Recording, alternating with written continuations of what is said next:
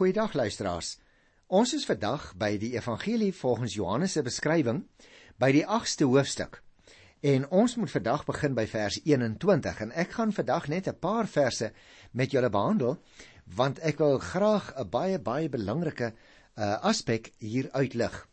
Soos julle weet, is ons besig om die Bybel deur te werk en as iemand dalk vandag vir die eerste keer inskakel, vertrou ek dit gaan sommer jou eerste van baie kere in die toekoms wees, so die Here wil. Die opskrif in die Afrikaanse Bybel by Johannes 8 vers 21 is: Die Jode ken Jesus nie. Kom ons begin dadelik by vers 21. Verder het Jesus vir hulle gesê: Ek gaan weg en julle sal my soek, maar julle sal in julle sonde sterwe. Waar ek gaan, kan julle nie kom nie. Luisteraar, ek dink dit is belangrik dat ons sal besef die intieme verhouding tussen die seun en die Vader wat die seun gestuur het, word nou verder uitgebou in hierdie gedeelte. Ons het in die vorige program ook al 'n bietjie daaroor gesels. Nou is dit natuurlik vir die Jode lasterlik om te aanvaar dat Jesus van die Vader kom en weer na die Vader toe teruggaan. Want in hulle denkraam, by hulle teologiese verwysingsraam, kan die Here Jesus nie God wees nie, want hulle sien hom dan voor hulle en is vir hulle totaal onaanvaarbaar dat hy sê hy kom na die Vader toe en hy gaan ook na die Vader toe terug. En nou sê hy dat hy weggaan na sy Vader toe maar dat hulle sal agterbly as inwoners van die sterflike wêreld. Hulle insig sal ongelukkig te laat kom en dan sal hulle hom te vergeef soek want hulle kan nie daar kom nie staan daar met ander woorde daar waar hy heen gaan daar kan hulle nie kom nie Ons het ook daarna gekyk, sal jy onthou, toe ons in die 7de hoofstuk by vers 34 was. Met ander woorde, hulle besef dat sy weggaan finaal is. En nou wys hulle hy hulle op die konsekwensies as hulle nie in hom glo nie. In vers 22 reageer hulle nou die Jode sê toe: "Gaan hy dalk selfmoord pleeg dat hy sê waar ek gaan kan julle nie kom nie. nou ja, mense wil omtrent lag daarvan nie waar nie, wanneer Jesus sin speel op sy dood luisteraars, is dit nie deur selfmoord soos hulle sou kon dink nie, maar deur hulle optrede. Jy sien, Jesus se tuiste is by sy Vader en sy pad loop deur die dood. Vers 23. Toe sê Jesus vir hulle: "Julle is hier van onder Ek is daarvan bo. Julle behoort tot hierdie wêreld. Ek behoort nie tot hierdie wêreld nie. Jy sien, die Jode as mense is deel van hulle herkoms. Met ander woorde van hieronder. Van hierdie sterflike aardse wêreld en van hierdie wêreld wat onderhewig is aan sonde. Hulle bespiegel oor die Here Jesus. Hulle bespiegel Jesus se sterwe wat besig is om na vore te kom en allerlei absurde gevolgtrekkings soos is hy nie dalk besig om hom voor te berei om selfmoord te pleeg nie. En nou vra hulle dit pertinent. Hulle is egter mense wat nie kan verstaan nie want hulle wil nie verstaan nie. En daarom as 'n mens by die 24ste vers kom, kry ons die antwoord van die Here Jesus: "Julle is hier van onder en ek is daar van bo. Julle behoort tot hierdie wêreld, ek behoort nie tot hierdie wêreld nie. En dan vers 24. Daarom het ek vir julle gesê julle sal in al julle sonde sterwe. Want as julle nie glo dat ek is wie ek is nie, sal julle in julle sondes sterwe. Jy sien luisteraar, die enigste uitweg om van sonde verlos te word is om in die geloof te aanvaar dat Jesus Christus die seun van God is. Die teendeel is natuurlik ook waar verwerp jy die seun, dan sterf jy in jou sondes. En omdat die Jode deel is van hierdie wêreld wat in die mag van die duiwel is volgens 1 Johannes 5:19, is daar slegs een weg van verlossing, naamlik om te glo dat Jesus die openbaring van God is. Jy sal sy uitspraak onthou in die 6de hoofstuk by vers 20. Ek is wat ek is. Gaan kyk gerus ook in Eksodus 3 by die 14de vers. En die teendeel van geloof en lewe in Jesus is dus om te sterwe in die sonde en in die ongeloof. Kom ek lees vers 25 en 26 hier in Johannes by die 8ste hoofstuk. Hulle vra hom toe: "Wie is jy?" Jesus het hulle geantwoord: "Waarom praat ek eintlik nog met julle? Ek kan baie dinge oor julle sê en oordeel oor julle uitspreek, maar hy wat my gestuur het, is geloofwaardig. En net wat ek by hom gehoor het, sê ek in die wêreld." Luisteraars, vir die Jode is die Here Jesus se stellings totaal onaanvaarbaar en ook onverstaanbaar. Daarom vra hulle hier in vers 25: "Wie is jy?" Met die implikasie: "Wie is jy om sommer sulke dinge te kan sê?" In die lig van die Jode se volgehoue weiering om die Here Jesus te ken as die een wat deur die Vader gestuur is, wonder Jesus nou wat nog hoegenaamd die sin daarvan is om nog verder en langer met hulle te redeneer. Jesus kan baie dinge oor Jode sê, so impliseer hy self. Hy kan hulle selfs veroordeel, maar nee, hy doen dit nie. Hy handel liewer gehoorsaam aan sy Vader wat die enigste een is wat werklik volgens vers 26 geloofwaardig is. Vers 27 en 28 maak die venster nog so klein bietjie oop. Hulle het nie begryp dat hy met hulle van die Vader praat nie. Daarna sê Jesus vir hulle: Eers wanneer julle die seun van die mens verhoog het, sal julle begryp dat dit ek was en dat ek niks uit my eie doen nie, maar net verkondig wat die Vader my geleer het. Jy sien, net so min as wat die Jode Jesus se hemelse herkoms verstaan, net so min begryp hulle ook sy boodskap wat van sy Vader afkom.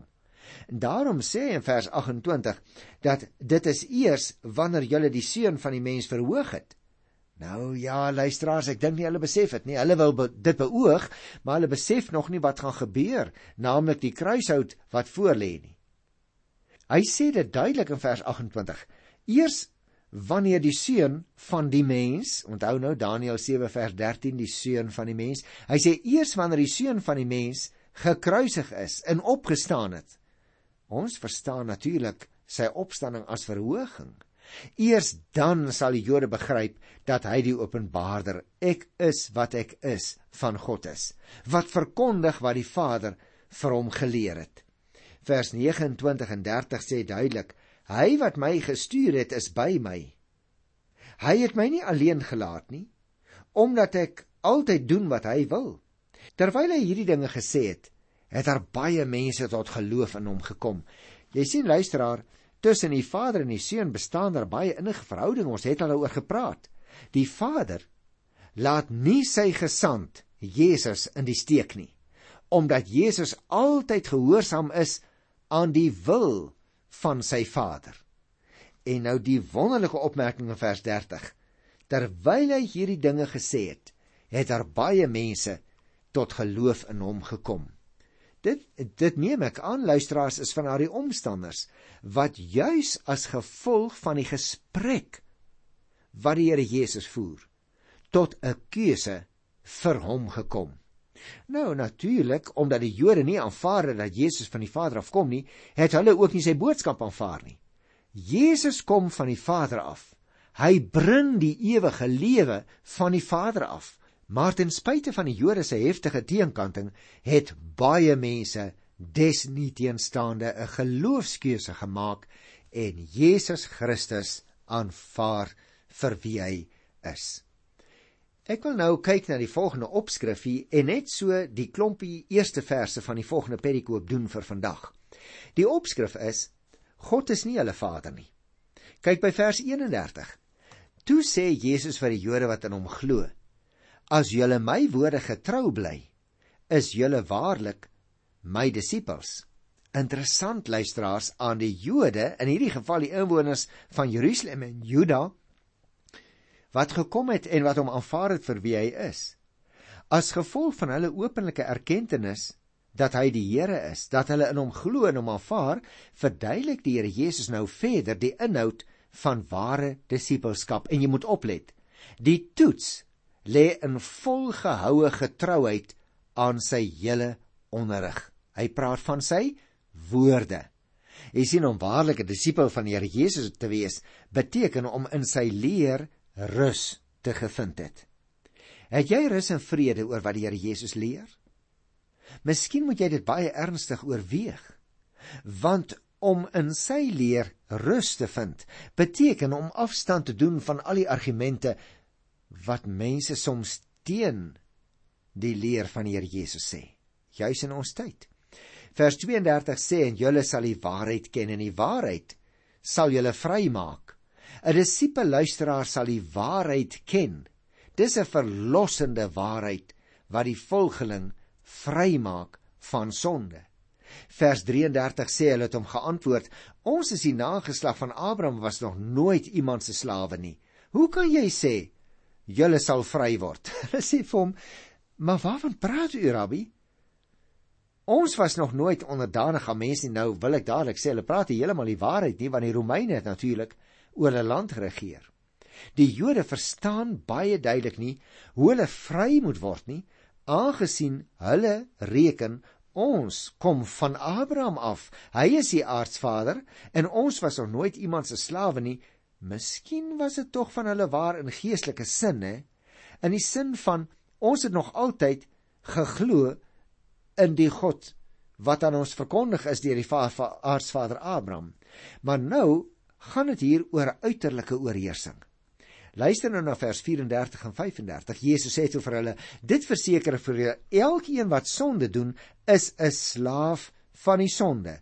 'n Slaaf bly nie vir altyd by 'n huisgesin nie, 'n seun bly vir altyd. Eers as die seun julle vrymaak, sal julle werklik vry wees." Nou luisteraars, ek wil net die twee volgende versies behandel sodat ek die eenheid kan afsluit en dan wil ek terugkom na vers 34 tot 36. So kom ons kyk vir 'n oombliekie net eers oorsigtelik daarna wanneer Jesus sê met nadruk vir die Jode dat elkeen wat daarin volhard om sonde te doen, verkneg is aan die sonde. O, 'n sterker mag moet hom losbreek uit die slaafskap. Slaaf tussen hakies in vers 35 beteken nie dieselfde as slaaf van die sonde in vers 34 nie. Dis iets anders, maar ek gaan nou net daaroor praat. 'n Slaaf se posisie moet jy onthou luisteraar in 'n huishouding was tydelik, sonder regte en sekuriteit, omdat hy te enige tyd verkoop kon word. 'n Seun behoort egter aan die huis. Hy het regter wat nie verander kan word nie. Maar Johannes wil nie oor 'n seun verder skryf nie, maar oor die seun met 'n hoofletter die seun is wat hy is en hy gebruik sy reg om iemand werklik vry te maak. En daarom wat die teks betref vers 37 en 38 vir vandag. Ek weet julle is die nageslag van Abraham, maar julle wil my doodmaak omdat julle my woorde nie ingang by julle vind nie. Hy sê vir hulle al is julle as Jode uit die nageslag van Abraham, is die gees wat in julle is, nie die van Abraham nie omdat julle my wil doodmaak. Dit word ook dan verwys in vers 40. Dit is natuurlik omdat hulle nie in die eerste plek aan die inhoud van Jesus se leer en hulle lewens bymekaar wil uitbring nie. Hulle wil luister na sy leer, maar hulle wil dit nie toepas op hulle eie lewens en dit gehoorsaam nie. En dan sê vers 38: Ek praat oor wat ek by my Vader gesien het en julle doen wat julle by julle Vader gehoor het. Met ander woorde, luisteraar, die Here Jesus kontrasteer nou sy eie woorde wat hulle oorsprong by sy Vader in die hemel het. Dit kontrasteer hy met die Jode se dade wat gebou is op tradisies wat teruggaan tot hulle aardsvader wat nie uit die hemel kom nie. Die Here Jesus noem nie hulle Vader by die naam nie, maar uit vers 44 blyk dit dat dit in werklikheid die duiwel is. Nou ek het gesê ek wil uh, hierdie perikoop 'n bietjie onderbreek luisteraars. Want ek wil baie graag 'n belangrike aspek met u behandel. Hier staan en ek gaan weer lees vers 34 tot 36. Hier staan Jesus sê toe vir hulle: "Dit verseker ek julle. Elkeen wat sonde doen, is 'n slaaf van die sonde. 'n Slaaf bly nie vir altyd by 'n huisgesin nie. 'n Seun bly vir altyd Eers as die seun met 'n hoofletter julle vrymaak, sal julle werklik vry wees. Nou luisteraars, kom ons gesels oor hierdie goed want dit het nou prakties betekenis en daarom wil ek nie vinnig daaroor gaan nie en ons program sal jy moet onthou is mos juis gerig op die praktyk. Die Bybel vir vandag Sal jy onthou, dit is mos die naam van ons program. Nou in hierdie 3 verse, Johannes 8 vers 34 tot 36, lyk dit vir my luisteraars kom daar twee uiterstes na vore.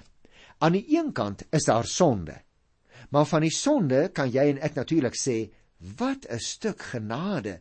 God het ons deur sy seun vrygemaak van sonde sonder verdienste en sonder prys. Ons is vry. Ons sal die Here Jesus in ewigheid nooit genoeg daarvoor kan dankie sê nie luisteraar. Maar dit is ook nie waaroor ek met jou wil gesels nie luisteraar. Want die vraag is, waarvan praat ons in hierdie teks? Kom ek noem 'n paar voorbeelde. Jy weet, so glo ek, jy weet jy is 'n kind van God, maar tog, tog het jy die een of ander ding. Kom ons noem dit 'n ertjie. amper soos 'n angsneurose. Miskien is jy bang. Jy vra byvoorbeeld, wat sal die mense van my sê as ek nie soos 'n aan die brand Christen optree nie? Of jy sê dalk, ek voel tog so onwaardig, want kyk net na my agtergrond of ag, verskoon tog dat ek ook hier is. Jy sien, jy en ek mag dalk sê, ag, dis sommer 'n spul hang-ups wat ons as Christus gelowiges partykeer het.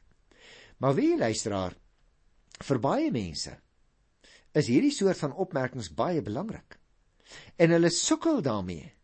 Hulle sukkel soms 'n hele lewe lank daarmee. Hulle lewe naderhand nie meer nie. Hulle word gelewe.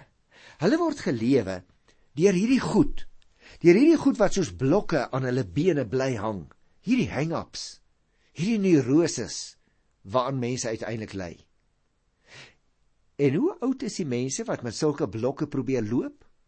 Wie jy hulle is Christene van alle ouderdomme.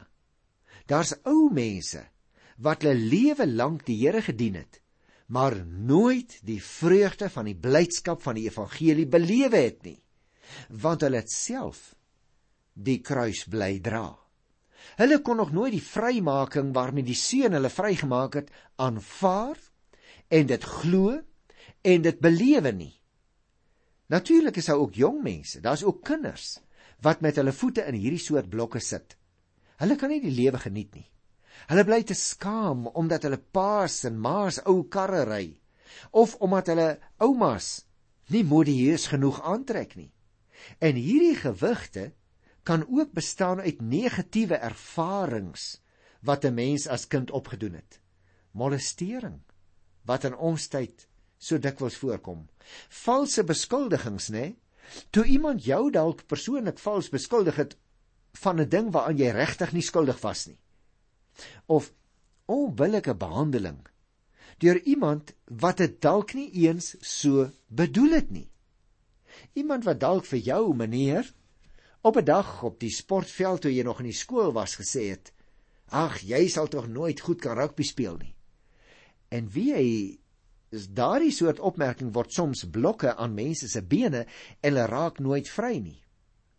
En daarom bly selfs aan Christene se bene hierdie blokke soms sit. Miskien kan ons hierdie goed ook stukke gewig noem. Iets wat ek in my sak het as dit ware, waaraan ek baie swaar dra.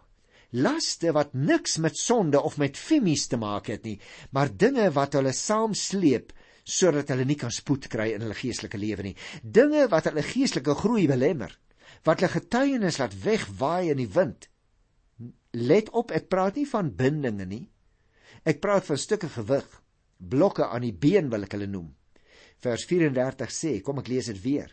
Dit verseker ek julle, elkeen wat sonde doen, is 'n slaaf van die sonde. Nou natuurlik Dis seker een van die merkwaardigste uitsprake in die hele Bybel wat die Here Jesus ooit gemaak het. Sonde doen dui hier op 'n voortgaande handeling, iemand wat so, wat in sonde lewe in die Griekse taal. Dit gaan nie hier oor 'n kind van God wat by geleentheid sondig nie, maar oor iemand wat nog nooit vir God as sy eienaar erken het nie wat is voortgaan om los en vry van die Here Jesus te probeer lewe. Iemand wat self die leiersels van sy lewe hou, onafhanklik van God lewe. Sy eie inhibisies en begeertes laat hoogty vier, basies daarop ingestel om self eienaar te wees, 'n selfgesentreerde lewe lei elke dag. As dit jy is, ongeredde mens, wil ek jou nooi na die Here Jesus, want jy kan vry word as jy 'n slaaf van die sonde is. Jy sien dus luisteraar, dit gaan nie in hierdie teks oor die kind van God wat by geleentheid sondig nie, maar oor iemand wie se lewenshouding deurlopend in stryd is met God, die ongelowige, die ongeredde, die slaaf van die sonde. Hy wat die sonde het as heer en hy self is die slaaf. Hy doen die sonde nog gewillig en in sy hart is daar geen godgerigtheid nie. En daarom wil ek as as so iemand ons program luister, vir jou uitnooi want die sonde luisteraar is 'n wrede heer. Soos 'n gevangene het hy jou vasgeketting met 'n eysterring om sy been wat vasgemaak is aan die eysterpen in die muur van die kerker. Jy kan nie self daar uitbreek nie. Dit is waaroor die 34ste vers handel. 'n Interessante opmerking in vers 35: 'n Slaaf bly nie vir altyd in 'n huisgesin nie. 'n Seun bly vir altyd. Jy sien slaaf beteken dus hier nie die alledaagse slaaf van die sonde van vers 34 nie. 'n Slaaf se posisie in 'n huishouding is maar tydelik, sonder regte en sekuriteit, omdat hy te enige tyd verkoop kan word, maar 'n seun behoort aan die huis. En daarom wil ek baie graag kom by vers 36. Eers as die seun julle vrymaak, sal julle werklik vry wees. Luisteraar, in die Nuwe Testament is die Here Jesus natuurlik die seun met 'n hoofletter van God. Dit berus by hom om mense vry te maak sodat hulle nie meer slawe sal wees nie, maar kinders.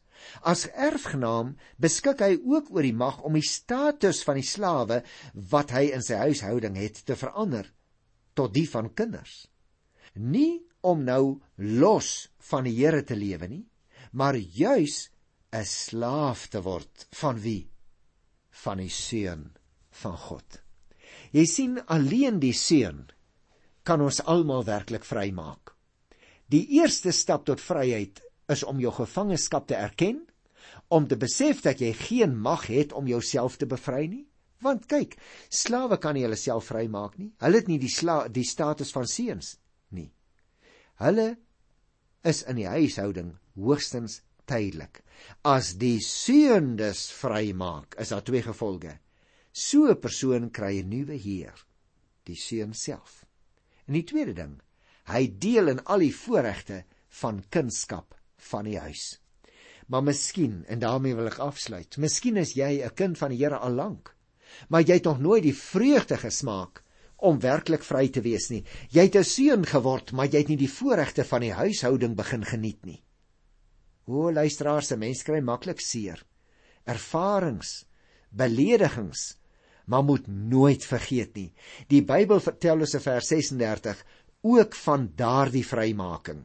Hy sê dit is eers wanneer die seun julle vrymaak dat julle werklik kan vry wees. Ook van julle selfpogings van julle onvergewensgesindheid, van julle frustrasies, julle bitterheid, julle eersig, julle hepsig, julle vrees vir die dood. Vrymaak van julle seerkry ervarings en baie ander dinge bloot deur die Here op sy woord te neem. Luister, dis eers as die Seun jou vrymaak dat jy werklik sal vry wees. Kom dan ook vandag met jou seerkry plekke by hom, lê dit aan sy voete en gaan verder as 'n volkomme vry mens. Vry van sondes ja, maar ook vry van doodgewone seerkryplekke. Wonderlike wonderlike evangelie, nie waar nie? Ek groet jou tot volgende keer in sy naam. Totsiens.